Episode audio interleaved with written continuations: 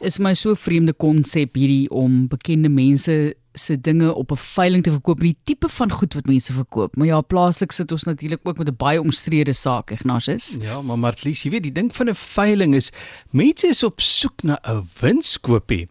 Nou, so vang 'n Gustaf Klimt kunswerk my oog op 'n veiling vir liefdadigheid, seker so 10 jaar gelede. En daar's nie handjies in die lug nie.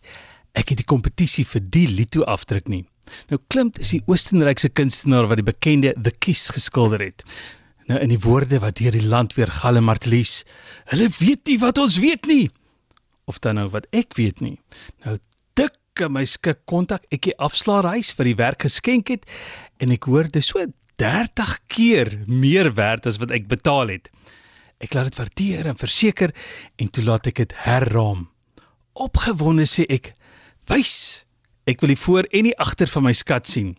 Toe is daar 'n bladsynommer onder aan wat weggesteek was onder die ou raamwerk. Nou neem 'n blad uit my boek. As 'n belegging te goed is om waar te wees, wel nou hoef nie te wonder hoe kom hang my klimt in die klein huisie nie. Nou die opvuil van goed wat aan staatsmanne behoort het, is in die nuus.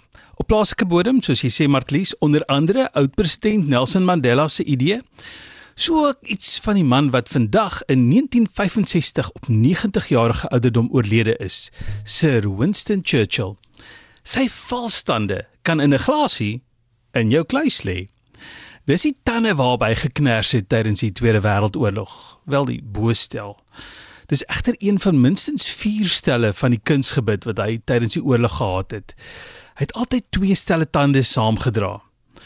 Dis nou nie goue tande nie, maar die plaatdeel wat in die verhele hemel te kom is wel van goud. Ek weet tydens die Tweede Wêreldoorlog is daar baie gebid en wanneer dinge aan die front nie na wense verloop het nie, is hierdie die gebid wat getrek het. Churchill het glo die valstande gegooi en hoe slegter die nuus, hoe verder het dit getrek en gebreek.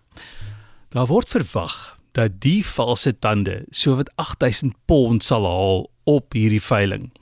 Nou in 2010 is hierdie einste tande vir 15200 pond verkoop.